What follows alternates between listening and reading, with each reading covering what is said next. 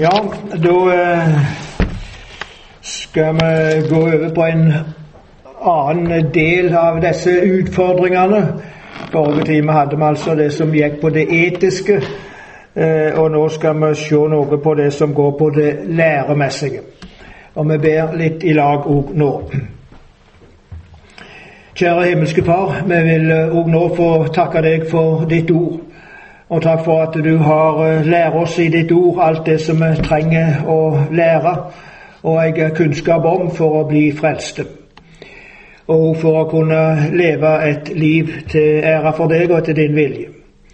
Og så vet du hva det står om for dette, for oss den enkelte, og for vårt misjonsarbeid og vårt land og folk. Eh, og vi ber òg nå om at du må ta oss i din hånd og stelle med oss og, og, og tale til oss om disse ting slik som du ser det nødvendig. Og når vi leser ditt ord nå og arbeider med det, så ber vi om åpenbaringsånd, slik at ditt ord blir levende for våre hjerter, til gang for oss og til ære for ditt navn. Amen. Eh, nå, eh, Selv om disse to temaene er delt opp i et som går på det læremessige eh, og tema, og et som går på det etiske, så henger jo disse ting veldig nært i sammen. Eh, og Det kunne vi jo ennå til aktualisere med de ti bud, de tre første på ene tavla som gjelder Gud, eh, og de andre på den andre tavla som har med de mellommenneskelige forhold å gjøre. Eh, nå er det jo slik at i disse etiske spørsmål, nei, i disse læremessige spørsmål, kanskje enda mer i de etiske spørsmål, Eh, så er det like mye ta, snakk om en, en helhetsforståelse som det er snakk om enkeltpunkt.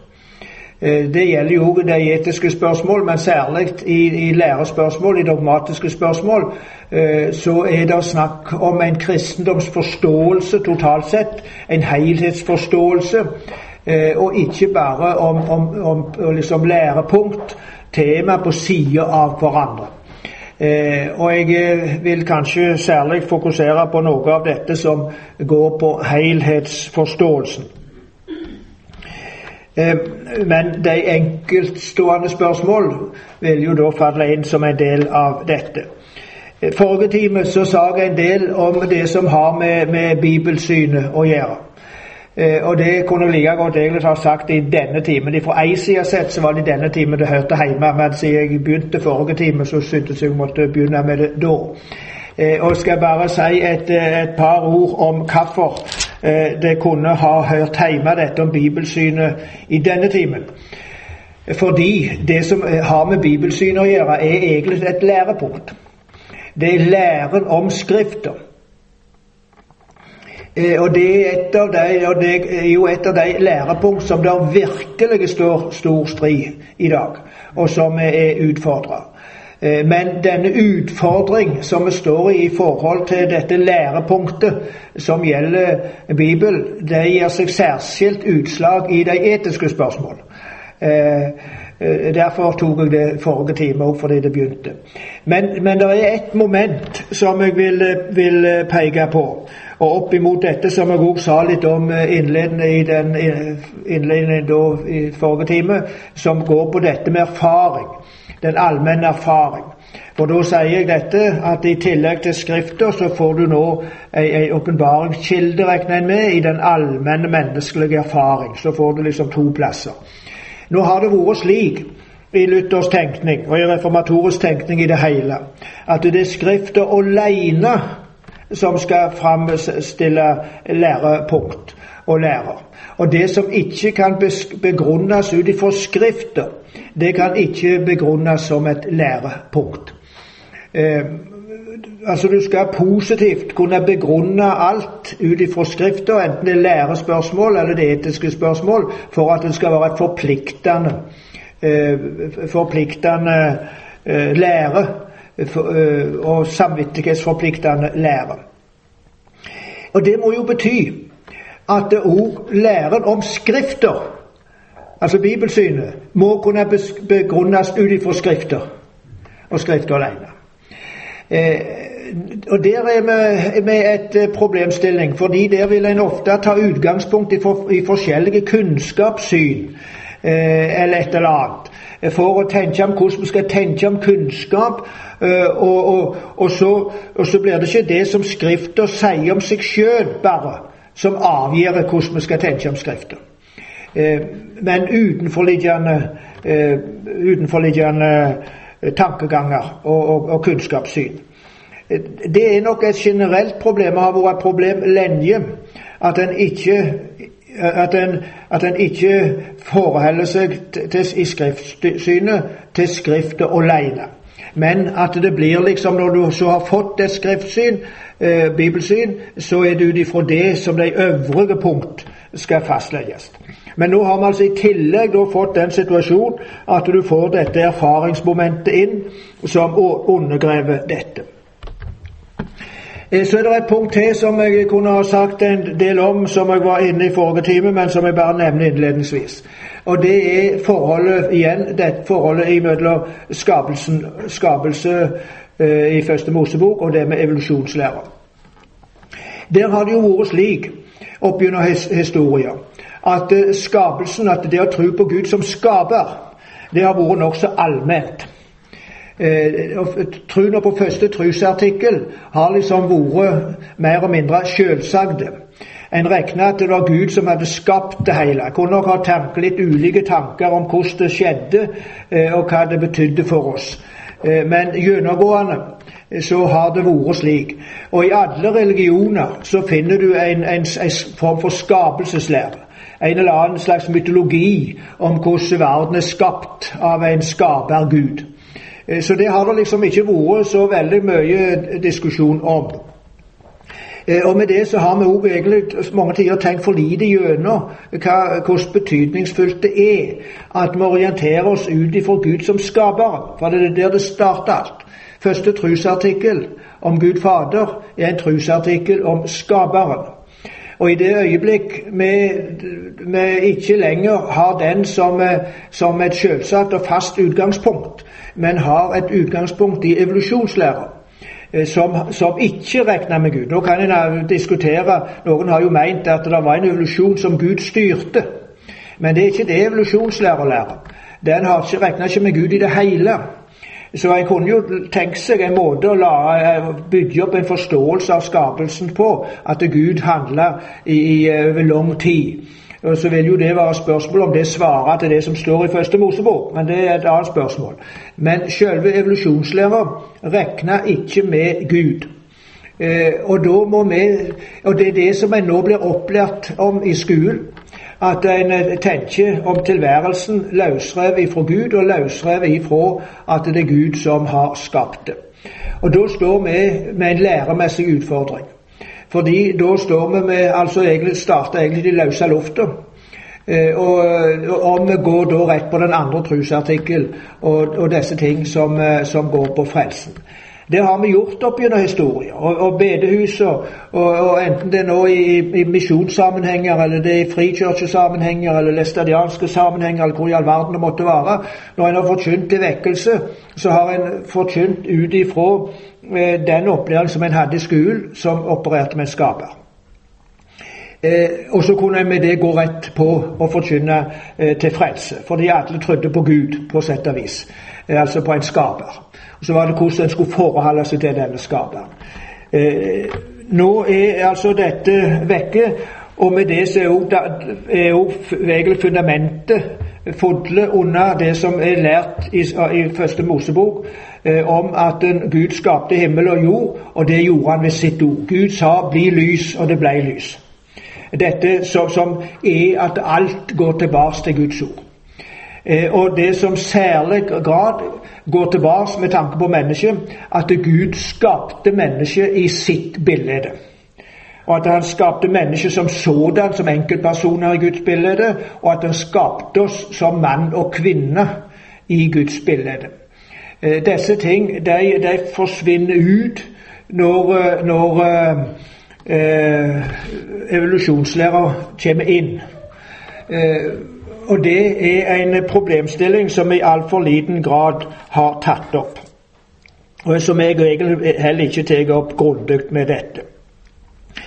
Det som jeg så tenkte å si noe om, og der jeg faktisk tror i de sammenhenger som vi representerer ser Jeg tror ikke det er så veldig mange slike ytterliggående liberale teologer i denne forsamling. Jeg vil jo tro at det her er en samla innen FBB, om det som ligger i det. Eh, men vi òg står overfor en del problemstillinger eh, innen våre sammenhenger. Eh, vi står overfor de problemstillinger som kommer utenifra, altså. Slik som vi har snakket om etiske spørsmål, så er det noen problemstillinger som kommer utenifra, fra liberal teologi eller fra andre typer teologi, og presser på oss. Og Det skal jeg komme tilbake til litt av. Men vi står òg overfor noen læremessige utfordringer internt altså som gjelder oss sjøl, og som vi ikke alltid er oss klar over. Eh, og det er i første rekke det som gjelder den kristendomsforståelsen totalt sett. Hva er en luthersk kristendomsforståelse? Hva betyr det å være luthersk? Hva, hva, og da spør ikke bare hva lærer lutheranerne om dåpen, om nattværen, om ditt og ditt og ditt og ditt og ditt spørsmål. Men hva, hva, hva lærer vi seg helhet? Og hvordan står de ulike lærepunkt i forhold til hverandre? Og hva betyr det for vår tro, og hva betyr det for vår forkynnelse? Eh, og jeg har tegnet opp dette her. Slik, slik, slik ser Luthers kristendomsforståelse ut. Det er en tegning av, eh, den, av en evangelisk luthersk kristendomsforståelse. Jeg forklare den etter hvert. Men her er lutherdommen tegnet. Hadde, jeg hadde egentlig tenkt tavlen skulle stå der, så kunne du få tegnet opp der skikkelig. Men eh, dere ser, ser, dette. Dere ser det er en sirkel med et sentrum, og der er det tegnet som et kors. Og så er det noen streker inn til dette sentrum. Skal jeg komme tilbake til det. Det er egentlig to press som er under, med tanke på, ikke primært med tanke på ulike lærepunkt, men med tanke på denne helhetsforståelsen. Og Det er et press fra den karismatiske sida som, som, som er, er, mer eh, litt diffust, og som ikke ganske eh, alltid får tak i hva som ligger. Og så er det en press eh, fra den liberalteologiske sida. Den er på ett vis greiere og enklere å forholde seg til, fordi der vil en avvike på, på bestemte punkt. Mens i det som kommer mer reformerte og karismatiske, det kommer mer ut ifra at en, en, har en annen helhetsforståelse og en annen vektlegging av ting enn en vil ha i, i lytterdommen.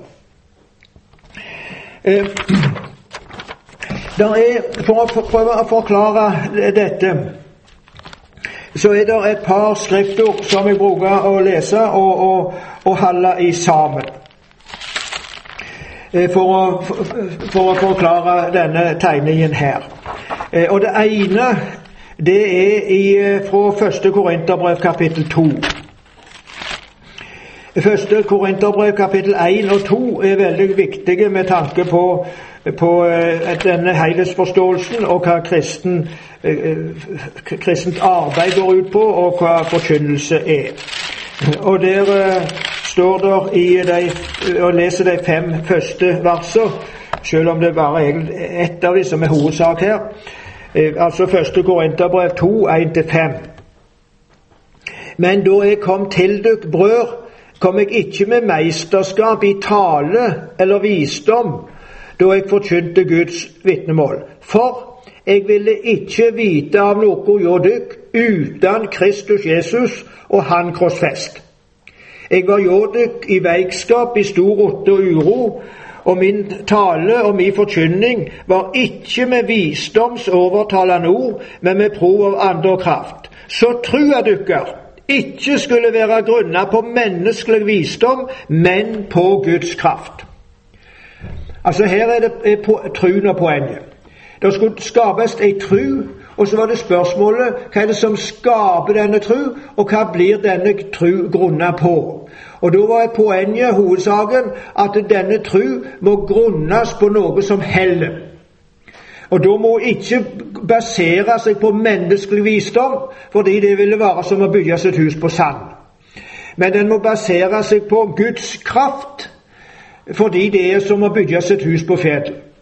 Og for at det skulle være Guds kraft, så heter det at jeg ikke ville vite noe annet i Jorduk, eller vi ikke ville vite noe Jorduk uten Kristus Jesus og Han krossfest. Alt skulle føre til Kristus og Han krossfest. Ikke bare føre til Kristus, men føre til Kristus og Han krossfest. Den samme Paulus han holder en avskjedstale til de eldste i Efesus, og denne talen er omtalt i, eh, i apostelgjerningene kapittel 20. Eh, og Der har han vært en stund, og så skal han forlate dem. Og så sier han i, eh, i vers 26 Eh, at de vitner jeg for dere i dag at jeg er uten skyld i noen manns blod. Det, men det vil han ha sagt. Når jeg nå forleder dere, om det så er noen som går seg vilt, som forleder den kristne tru eller på annet vis går seg vilt, så er det ikke min skyld. Hvorfor? For jeg har ikke holdt noe ende, men jeg har forkynt dere hele Guds råd. Når det skjer skjevheter i den kristne forsamling, så er det ofte av at det er deler av Guds ord som ikke har blitt forkynt. Når folk går seg vilt, så er det ofte fordi at det er deler av Guds ord som har leie brakk. Paulus sier at det slik har det ikke nå vært i Efesus. For der har han som apostel vært forkynt, og han har forkynt i hele Guds råd. Nå er det slik at eh, om jeg skulle stå og preike av samme plassen eh, i, i, et par år, som Paulus gjorde, så kunne ikke jeg ha sagt det. For jeg er ikke apostel. Jeg tror jeg har en lærernådegave. Men jeg, jeg, jeg, vil ikke være i stand til å forvalte hele Guds råd. Ikke en Tor heller, selv om han er rektor. Men vi er avhengig av flere forkynnere, flere nådegaver.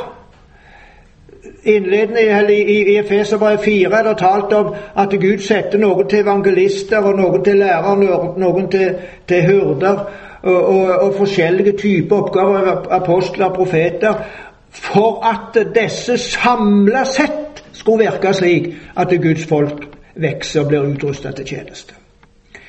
Men altså, det er et mål at hele Guds råd skal bli forkynt, men slik at det er et tyngdepunkt, et sentrum, som det føres inn til Kristus og hans korsfest.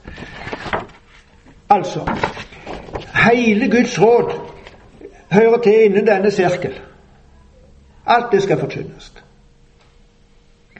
Men ingenting av det skal forkynnes løsrevet fra sentrum. Så jeg ødelegger tegningen min litt her nå. Og, og se det en strek slik ut i ytterpunktet. Så får jeg det vi kaller et segment, ikke sant? Det er det vi lærte på skolen. Dette her er jo sektorer, og det er et segment. Og et segment, det ligger innenfor sirkel, men det har ikke kontakt med sentrum. Og det er store fare for at når vi forkynner om ulike tema, f.eks. om helliggjørelsen, så kan vi si en masse som i og for seg er rett. Men det ligger der som et segment. Det blir ikke orientert ut ifra Kristus og hans korsfest. Og med det så får det ikke sitt lys ut ifra dette, får det ikke sin kraft ifra sentrum.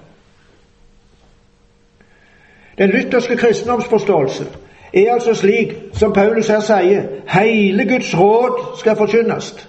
Og hvis det ikke skjer, så blir det svakheter som gjør at folk lett går seg vilt.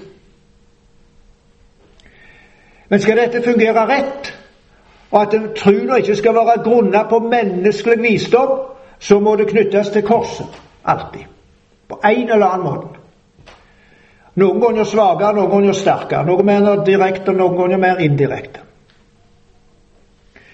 Men alt går egentlig tilbake til dette at Gud utvalgte oss i Kristus før han skapte verden. La verdens grunnvoll.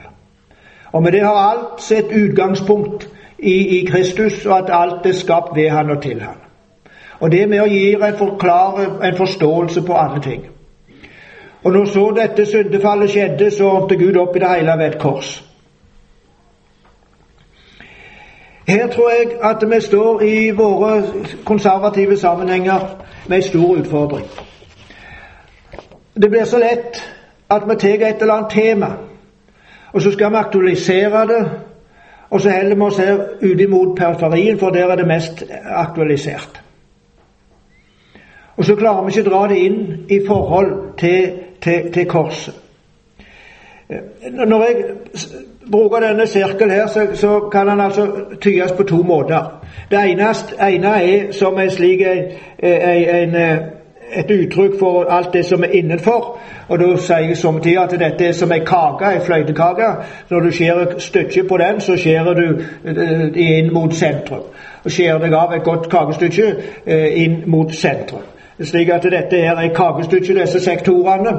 Eh, og alle disse kakestykkene de har sin spiss inn i sentrum. Slik skal alle lærepunkt ha sin spiss inn i sentrum, på et eller annet vis. Og få sin kraft og sitt lys ut ifra det. Men alt skal være med. Vi skal ikke bare drive og forkynne sentrum. Det er mange ting som skal kastes lys over, og i og for seg så kunne vi lagd denne sirkelen mye større for å ha fått med enda mer, egentlig. Men uansett hvordan du har, har du en, en, en, sektor, så vil den alltid starte i, i, sentrum og gå utover. Og du kan alltid føre inn til sentrum i en sektor. Slik vil det være med alt i den kristne, i den evangelisk-lutherske lære. Det andre bildet som dette kan danne, det er et sykkelhjul. Der du har et nav, og så har du en felg skal navet ha noen funksjon, og skal felgen fungere, så må det være spiler som knytter den til. Og Da kan du tenke deg at denne felgen her, det er ditt liv som ruller av år, år etter år. Skal dette livet ditt ha evangelisk bærekraft, så må det være noe som til hver tid knytter det til korset, til navet.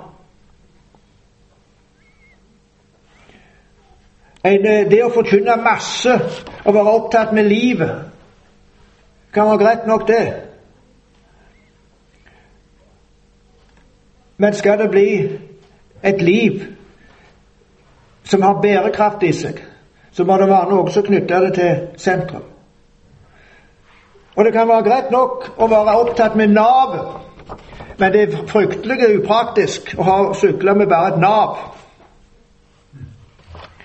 gått tregt da, og humpete. Men nav er viktig.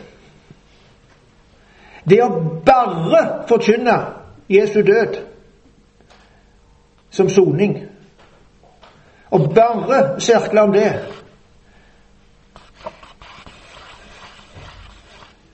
Det kan ha sin funksjon, men hvis vi bare gjør det, så blir det som du bare har navet. Det må dras linjer ifra det som gjelder Jesu forsoningsverk, og ut til i våre liv. Det må dra noen spiler, noe feste imellom livet vårt og sjølve korset. Og vi har tendens til enten å holde oss her ute og snakke om livet, eller å holde oss her inne og snakke om Jesu døde oppstandelse. Uten å klare å dra linjer og holde dette i hop. Slik at, at, korset får betydning for oss, og livet får bærekraft ut ifra korset. Dette tror jeg er noe av de største læremessige utfordringer vi står overfor i våre sammenhenger. I FBB-sammenheng, og i misjonssamband, og i læstadianerne og valgmenigheten. og Nordmisjon. Hvem det måtte være. Jeg må ikke glemme. Det, er ikke utenfor deg heller. Hvem det måtte være. Så det er her mye ligger. Og her er vi under et press ifra, andre kristendomsforståelser, altså, som ikke, får, eh, som ikke har den samme tenkning ut ifra at uh, det er et kors som alt går ut ifra. Men samtidig, altså, at det er et helt Guds råd som skal forkynnes.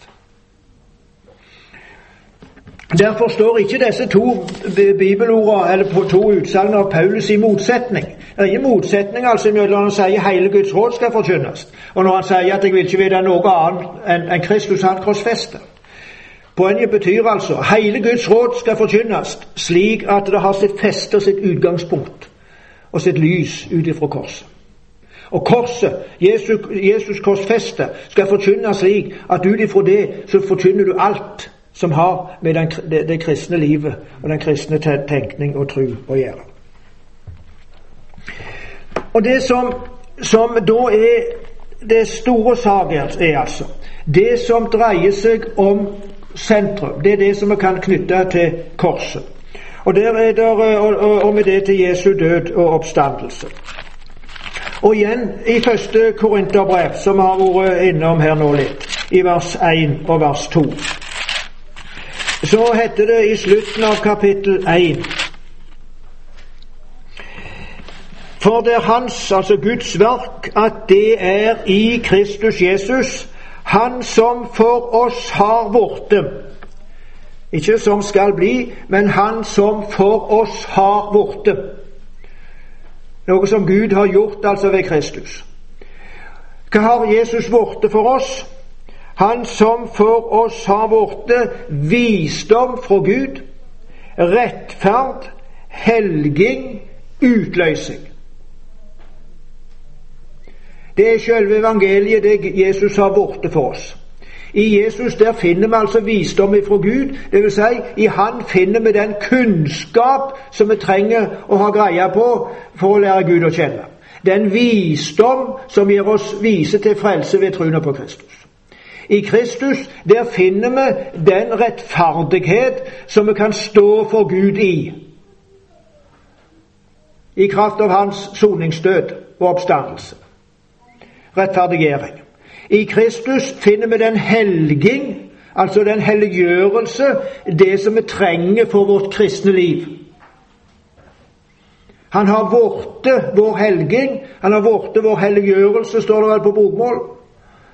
Det vil si han har blitt det vi trenger for å leve et kristent liv.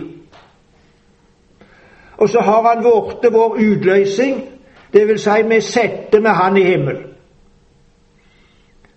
Og skal en dag oppleve å få flytte inn på den nye jord. Alt går tilbake til det Jesus har borte for oss i forbindelse med sitt frelsesverk.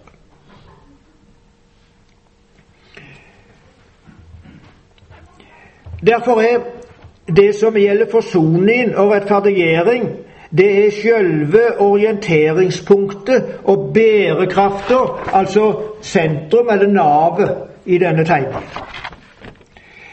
Det som går på forsoning og rettferdiggjering, er med det altså ikke et lærepunkt på sida av alle de andre.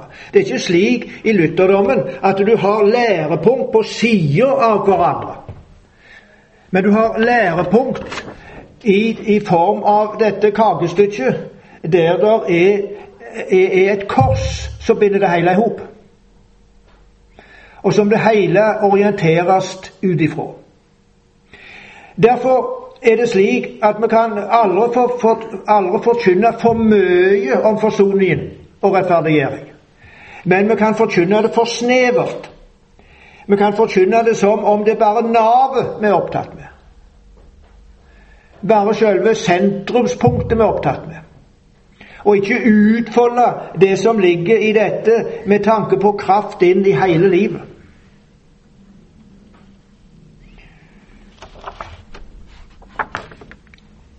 Og det er her det er så lett å, å, å, å svikte, altså.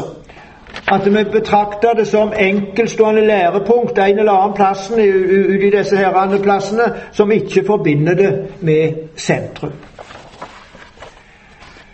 Det er det ene sida, og den mest avgjørende sida ved det som har med den lutherske kristendomsforståelsen å gjøre, som vi utfordrer på ganske sterkt. Det andre er det som gjelder det vi kaller paradoks. Kristendommen, og særlig den lutherske kristendomsforståelse, er full av paradoks. Og et paradoks er det som kan virke som en selvmotseiing, uten å være det. Eh, og De store paradoks er jo knytta til Guds person, ved at Gud er én og tre samtidig.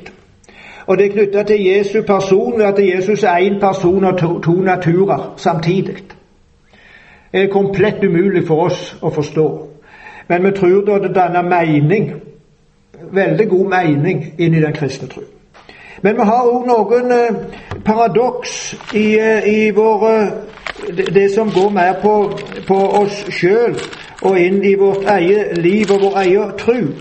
Og et av de store paradoks starta eh, bergpreika med å forklare oss. Bergpreika er jo alle så, synes alle som er god preik. Og Det betyr at de fleste ikke har forstått den. For, for, for, de, fordi de, de, tenker som om dette er noe allmenne greier. Men hør hvordan bergpreiket begynner, i kapittel 5 i Matteusevangeliet. Da han så folket, gikk han opp i fjellet. Der satte han seg, og læresveinene kom til ham. Han tok til orde og lærte dem og sa:" Sele er de fattige i ånda, for himmelriket er deira. Slik starta bergpreika. Sele er de fattige i ånda, for himmelriket er deira. Alt som ellers nå blir sagt, har egentlig det som sitt utgangspunkt. Og det vil ikke si at de er salige som har lav IQ, eller, eller, eller som eh, har små kunnskaper eller et eller annet. Mens fattige i ånda, det er de som har den erkjennelse at vi ikke klarer oss sjøl, ikke har forutsetninger i oss til det som har med vår kristne tro å gjøre. Alt det er å finne i Kristus. De fattige ånda er de som satser alt på Kristus og ingenting på seg sjøl. Og det er den samme tanke som eh, kommer til uttrykk eh, når eh, Paulus får sitt svar når han ber om å bli kvitt denne tårnen i kjødet. Og der Gud svarer han og sier til meg, min nåde er nok åt deg, for mi kraft vart fullenda i veikskap, sier han et paradoks. Du kunne jo ikke tro at ei kraft kunne bli fullendt i veikskap eller i svakhet. Skulle jo tro at krafta ble fullendt i styrke. Men her heter det altså at krafta blir fullendt i veikskap. Det vil si at når en ikke satser på seg sjøl, men på Gud og på Guds nåde. Og disse element er veldig viktige i eh, i en luthersk kristendomsforståelse. Så er det slik at dette som gjelder forsoning og rettferdiggjøring, eh, det, det er samtidig knytta sterkt opp til nådemidler og truna. Forsoningen, sier vi, det er det som er at Gud ved Kristus gir opp for alle våre synder. Og det skjer i Gud, imellom Gud Fader og Guds Sønn. Objektivt, som vi sier, uavhengig av oss. Dette i det mennesket tror det som Jesus gir opp med sin far når han gir sona for vår synd. Den som tror det, blir rettferdiggjort. Og Derfor heter det at truna blir regnet oss til rettferd, for dette er en trur Kristus i hans forsoning. Og denne tru, den skapes ved nådemidler, primært med Guds ord. Og Derfor er nådemidler så viktige i, den, i, i Luthers kristendomstenkning. Fordi det er nådemidler som setter oss i kontakt med forsoningen. Som setter oss i kontakt med Gud. Og som skaper truna i våre hjerter. Som gjør at vi mottar dette ordet, og dette ordet får virke inn i vårt liv. Her er vi med et punkt når det gjelder forsoning og rettferdiggjøring, som òg har to sider ved seg når det gjelder utfordringer i vår tid. Det ene er at det blir lært falskt om forsoningen.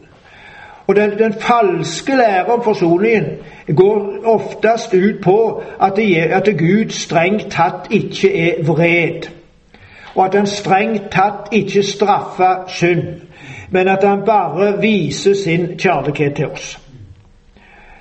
Det går, det går på dette punktet i stor grad ut på. Mens den bibelske lære sier oss jo Gud, han er vred. Men denne vrede, den lar han ramme Kristus i vår stad. Derfor er Kristi død en straffelidelse for oss. Den andre, den andre problemstilling som er mest, mest aktuelle for oss, det er at, i, at vi i praksis nedtoner forkynnelsen av forsoning og rettferdiggjøring. Og når en er rundt omkring på mange bedehus, så vil en nok, hvis en hører litt etter og følger med, hvordan ofte en hører ei preik om selve forsoningen om rettferdiggjøring, så er det sjelden. Det er en kar som er nabo hjemme, som er en eh, godt, eh, Han er forresten professor, så han er nå slik sett eh, godt oppegående oppi hodet sitt. Han er professor i teologi og alle ting opp på toppen av alt. Og Han er jo delvis rundt og preiker, og, han, og han er tilhører på bedehuset. Han går på bedehus, altså. Så, og, og, og, og hører mye forkynnelse. Og han sier rett ut Høyre praktisk talt aldri sier rettferdiggjøring ved tru blir forkynt. Og han er en kar som altså er i stand til å høre hva som blir forkynt. Mange vil ikke registrere at det ikke blir forkynt. Men ut ifra hans bevisste teologiske holdning og kristendomsforståelse så hører han det. Og det er en kjempeutfordring for oss. Det er, ikke, det er ikke det at en fornekter det, men en tror alle kan det. En regner det som selvsagt. Og så er det så mange ting å være opptatt med.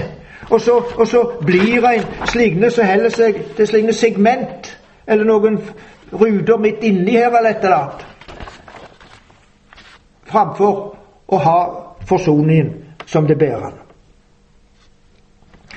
Og så må vi huske den tanken at når Gud bestemte seg for å frelse oss, så sier han det i 1. Korinterbrev 1.21 at han fant det for godt å frelse folk ved dårskapen i forkynnelsen.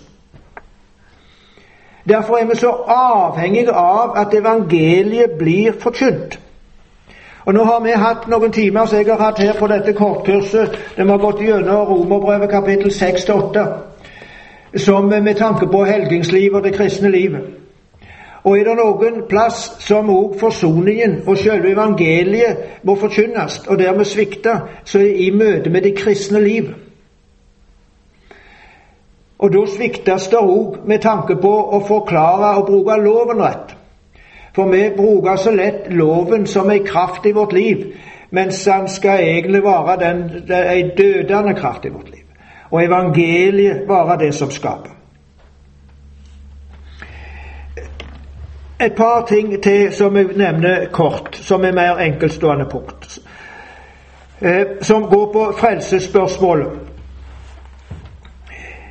Frelsesspørsmålet står i vår sammenheng i sammen med dåpen. Vi tror på dåpen som gjenfødelsesmiddel, samtidig som vi tror på ordet som gjenfødelsesmiddel. Eh, nå i, i, den, i vår norske teologiske sammenheng så er det nå kommet inn to måter å tale om dette på som blir ubibelsk. Noen ganger, det har vært rådende nokså en god stund nå, at det blir talt om dåpen i lys av forsoningen på en slik en måte at er du døypt, så har du per definisjon del i forsoningen og er et Guds barn. Og da hopper en egentlig over at, eh, at en lever i tru. Og det er jo som ligger til grunn for den kirketenkning som vi har nå, der det heter seg at alle døypte er likeverdige medlemmer i kirka. Eh, og Da har en slik en forunderlig sammenheng, der en, der en, der en tenker dåpen inn i forlengelsen av forsoningen, slik at det blir en form for automatikk i dette. Og en, en, og en med det eh, eh underkjenner både truen og omvendelsen. Og, men så nå er det kommet inn en, enda en ny tenkning, som særlig kom til uttrykk i, i dagen her for litt siden, i en teologisk professor som skrev. Og der han skrev at vi i utgangspunktet, ut ifra at vi skapte i Guds bilde, så er vi alle Guds barn. Og i kraft av det så blir vi døypte. Og da knytta en altså dåpen direkte til skapelsen. Og dette at vi skapte i Guds bilde. Og da får heller ikke verken omvendelsen eller troen noen posisjon i dette. Og den tenkning, den tror jeg vil bli vil vokse på seg. For den svarer til ellers det som nå er vektlegning på selve skapelsen og, og, og, og dette med skapte Guds bilde. Og Disse måter å tenke på de, de svarer ikke til verken luthersk eller metodistisk eller baptistisk eller noen slags dåpslære. Eh, det er noen dåpslærer som går utenfor alle, alle kirkesamfunn sine dåpslærer. Noe av det kan lignes på metodistisk, kanskje, men det er det ikke. Eh, fordi at den ikke får plass til verken truen eller omvendelsen. Bibelen den sier jo, når Peter forkynner første pinsedag, og det stikker i hjertet og spør hva de skal gjøre, så sier han 'omvend dere tru'. Så skal jeg få Den hellige ande, og så skal dere døypes. Dåp, omvendelse, tru, dåp og det å få Den hellige ånd henger i hop. Og likeens når Jesus taler, hadde talt om dette i Matteus 16, så er det jo talt om omvendelse, tru og dåp som noe som henger i hop. Hva som kommer først og sist til tider, kan nok variere, men, men, du har disse elementer.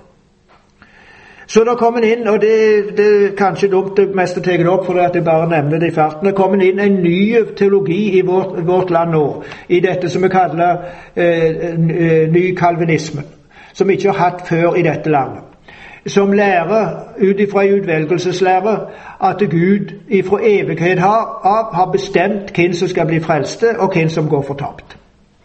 Det det er, har, den type lære har jo vært gjeldende siden Luther sin tid, eller Calvin sin tid, men i Norge har vi ikke hatt dette.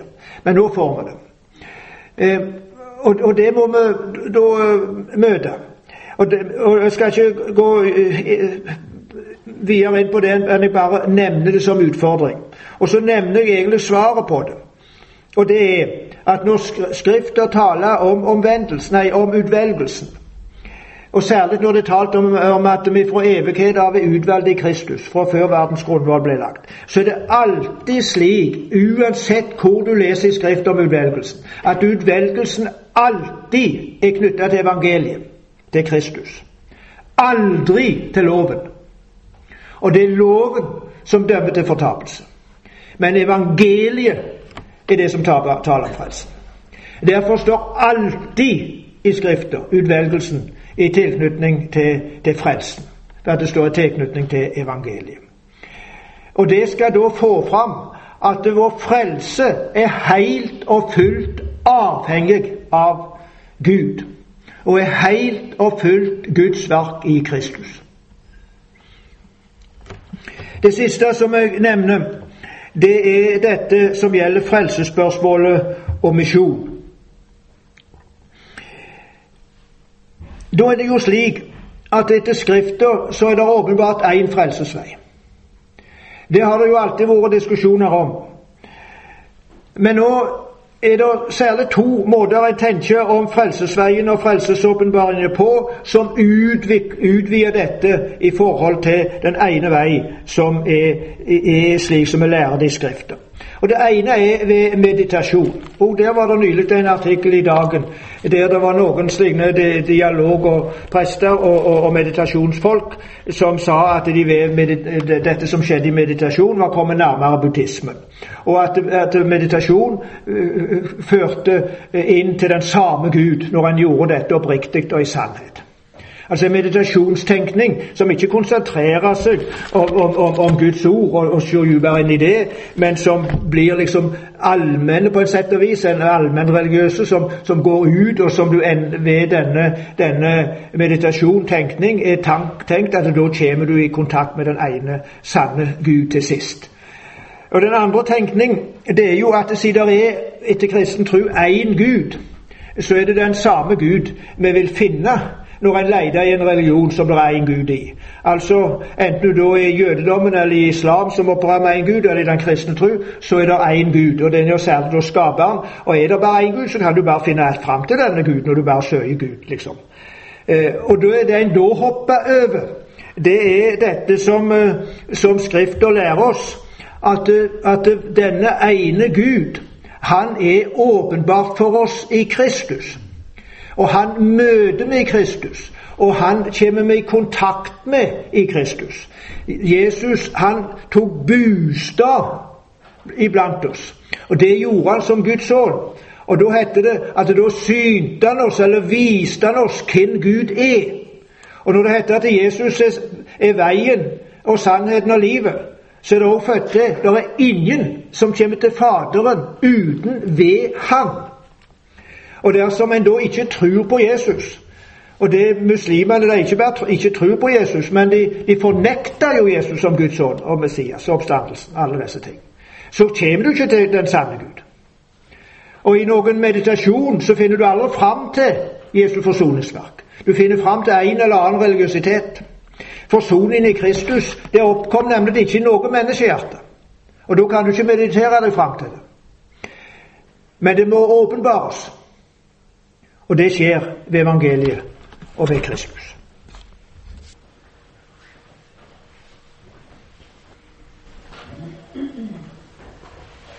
Da tror jeg vi gir rom for et innspill, spørsmål.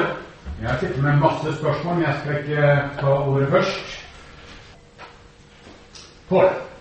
Jeg kunne tenkt meg å spørre om nå Når det er så mye eh, forskjellige syn om så mangt og meget som har med Bibelen og, og kristne spørsmål å gjøre, så kunne man lett eh, komme til den slutning at eh, Skriften er uklar.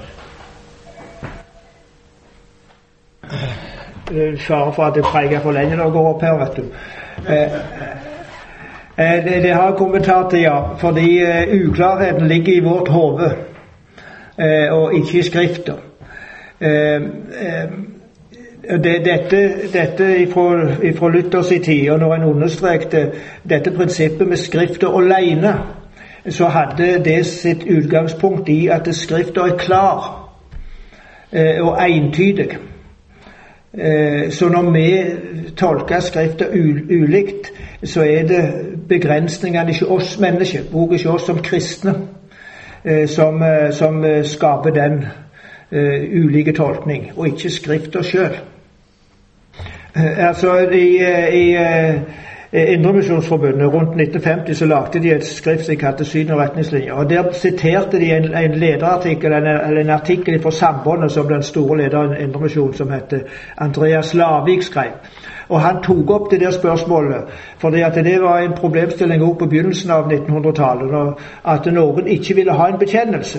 De, han, han tok ikke Bibelen opp, med, men han sier de løfter Bibelen i været og så sier de 'Her er min bekjennelse'. Og så sier han det har ingen rett til å si. For det, det som en bekjennelse, det er menneskeord. Det er vår bekjennelse. Men Skrifta, det er Guds ord, og ikke noe menneskes bekjennelse. Bekjennelsen, det er det som vi gir uttrykk for som vår oppfatning av det vi, det vi leser. Og Da sier han at det betyr at alle har en bekjennelse. Når du, når du gir uttrykk for hva du tror, eller når du forkynner, så er det din bekjennelse. Og da er det mye større fare, sier han, for at, at, at, folk som baserer seg bare på sin egen forståelse, farer vilt, enn de som baserer seg på, den, på, på lang historie og, og, og er mer og mindre samla kirke sin forståelse, som en har arbeidet med også ofte i, i vanskelige tider, og, og samla og prøvd på Guds ord og, og komme ut med som en felles bekjennelse.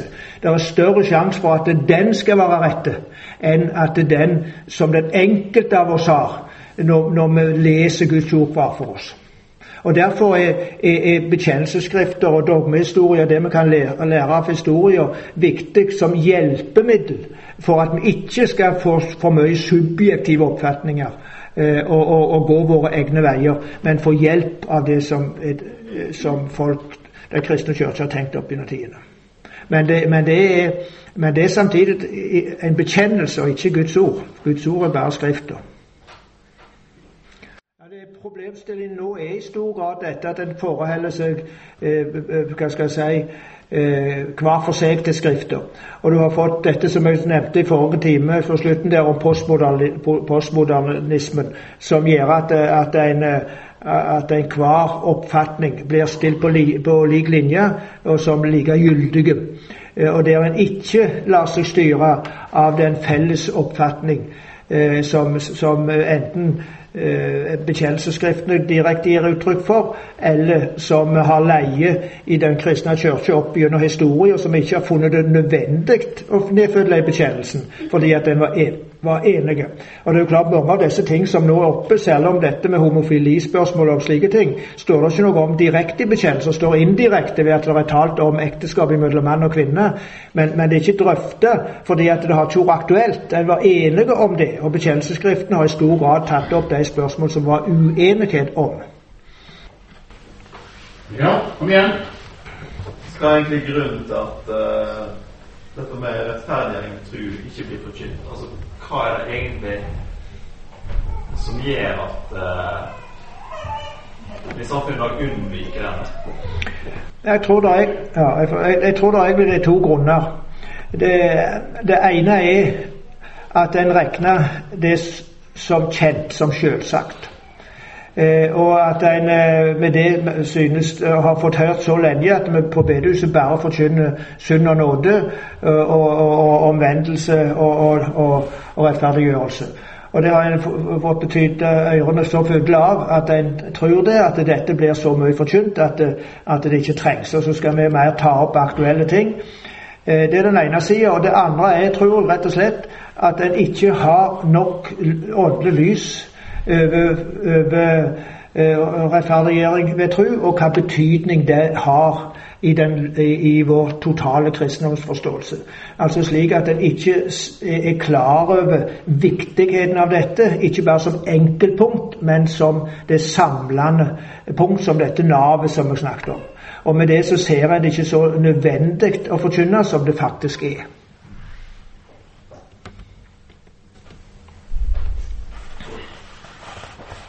Her er et par ting jeg har lyst til å nevne. Ja.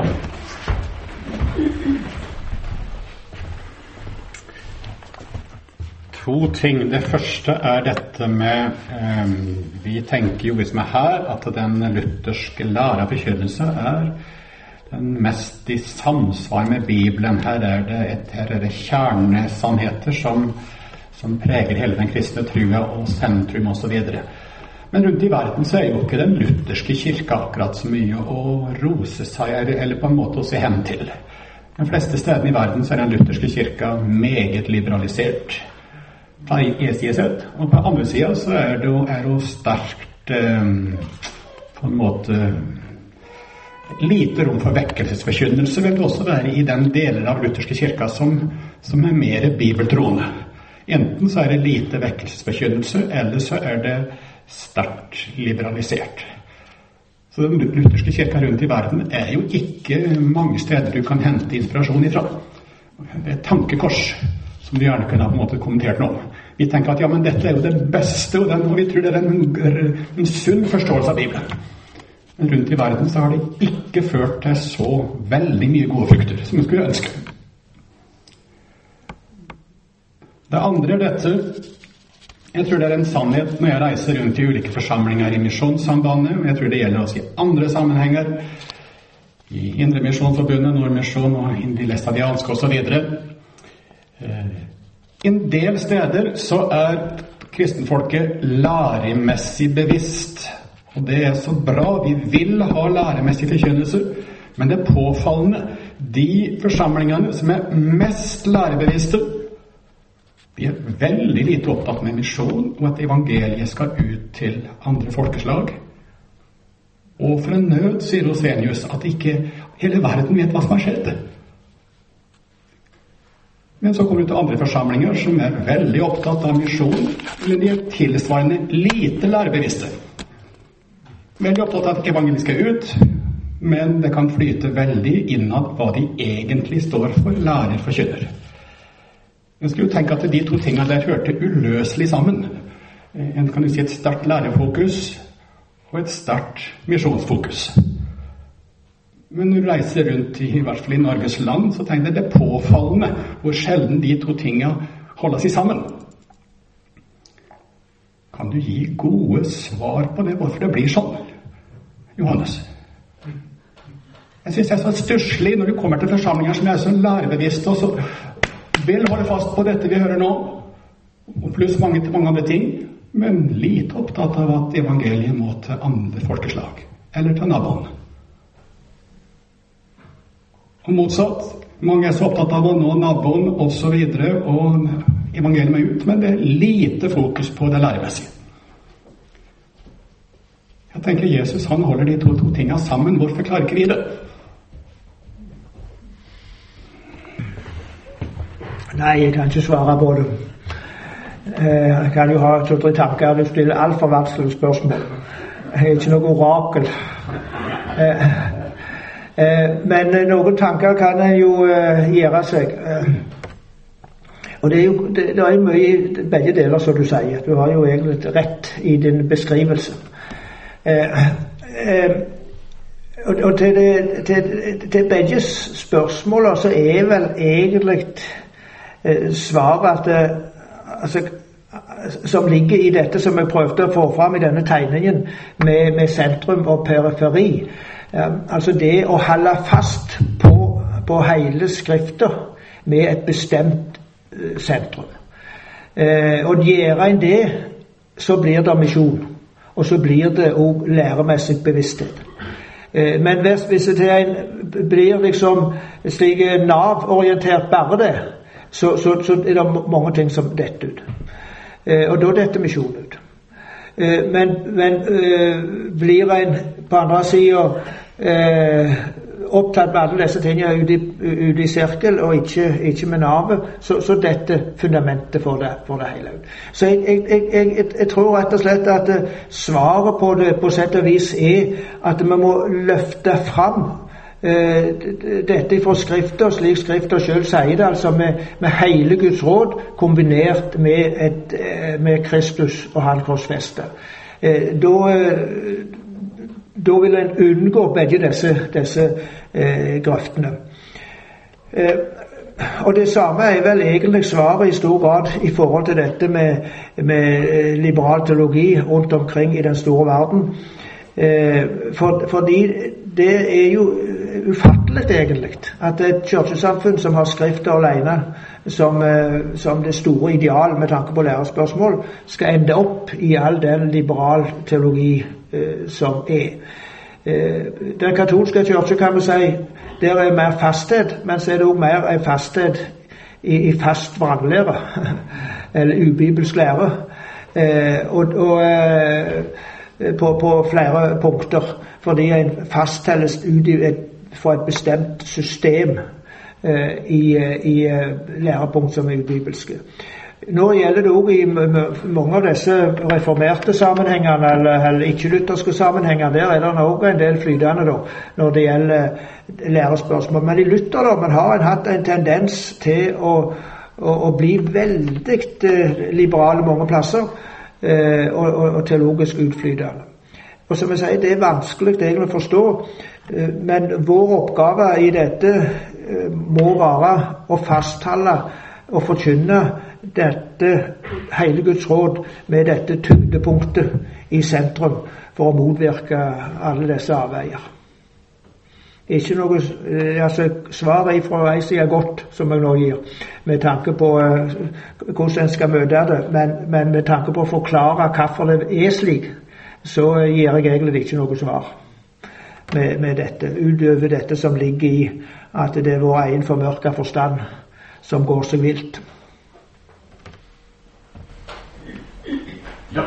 Jeg er litt usikker på om jeg forsto uh, det du sa. Det er litt samme gata som jeg spurte i stad, men uh, den bedehusforkynnelsen som du beskriver um, Er problemet der at de kun forkynner navet? Nei. Så uh, kun uh, religiøsen? motsatt, etter mine begreper nå.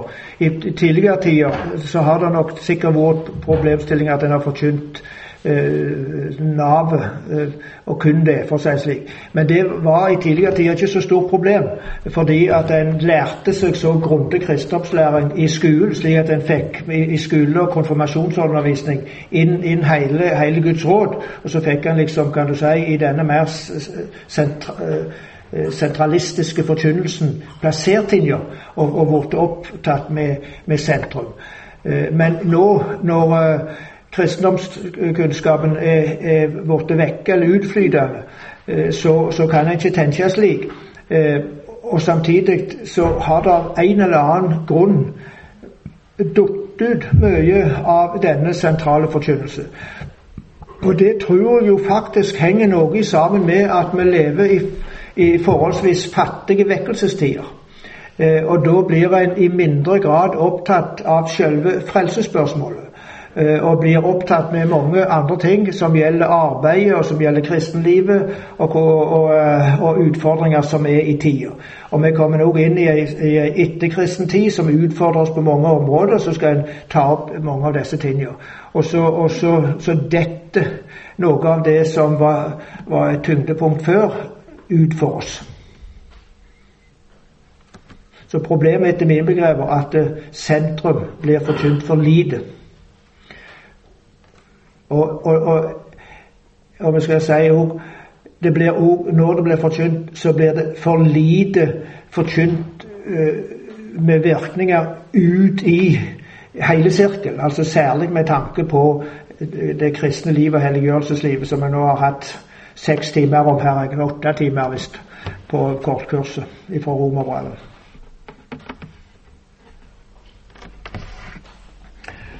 Ja, vi får nå inderlig håpe at vi ikke eh, eh, har, har forlengelsen av 1930-åra før oss en gang til med tanke på antisemittismen. Da er vi inne i holocaust på nytt.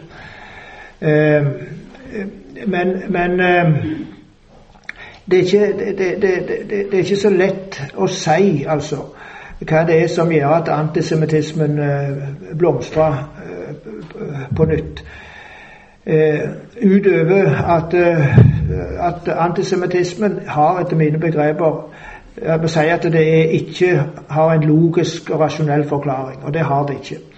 Den eneste forklaring på, på, på antisemittismen er, er, er, det sataniske. Uh, det et demonisk element. Uh, og i det øyeblikk kristen tenkning og tro da taper makt, så, så vil Eh, vil eh, eh, antikristelige og demoniske, sataniske krefter få mer makt. Og når det samtidig går i sammen med en form for oppløsning av sannhetsbegrepet, der, der, der en kan si og mene hva en vil, og alt kan være like bra, så, så er det samtidig med på å, å, å undergrave sannheten òg i forhold til, til jødene. Eh, jeg håper jo inderlig at disse ting må, eh, må eh, at vi må våkne for disse ting. Og jeg er veldig urolig egentlig for det som skjer i kirkelige sammenhenger her. Og selv om, om antisemittismen i utgangspunktet ikke har noe som helst med staten Israel å gjøre, så, så Eh, går det an å argumentere òg i forhold til politiske spørsmål på en slik en måte at det egentlig ikke rammer politikken, men rammer jødene som jøder. Eh, og da, eh, da blir det antisemittisk. Jeg, var, jeg, kom til å tenke på dette, jeg har tenkt på det mange ganger etterpå. Når jeg var i Israel for ikke lenge siden, så jeg var på Holocaust-museet. Og han guiden som vi hadde, han var forresten eh, svenske opphavlig og utvandra fra Sverige. En kolossalt flink guide. Eh, og han tok opp da spørsmålet når vi sto der med noen navn, at, eh, at disse eh, eh, som da ble tatt livet av under krigen i holocaust, var ikke for noe de hadde gjort, men for den de var. Altså, de hadde ikke gjort noe galt men de var galne personer ved at de var jøder. Eh, min far ble jo tatt av tyskerne. Han satt på Grini under krigen, det siste vinteren. Men han sa ikke på Grini fordi han var norsk, men fordi han hadde gjort motstand mot tyskerne. Altså Han var tatt for det han hadde gjort, ikke for den han var. Jødene de ble tatt, ikke for det de hadde gjort. De hadde jo ikke gjort noen ting, men for den de var. Eh, og det ligger noe i det hele veien eh, som òg eh, må være noe av forklaring på det voldsomt engasjementet der ligger i å ta jødene og Israel til forskjell for alle andre folk og alle andre land og alle andre plasser der er krig. Det er noe helt ute av dimensjoner i måten en er opptatt med, med Midtøsten og kritikk av det som der skjer på. Det, det, det avskjer ikke vanlige politiske drøftinger, men det, det er noe som bør, bør ringe i våre ører når, når en ser dimensjonene og trykket som er mot dette folk som vil gå til grunne som folk om de, eh, eh om de eh, møsse, eller ikke får, har et land å bo i som de kan forsvare.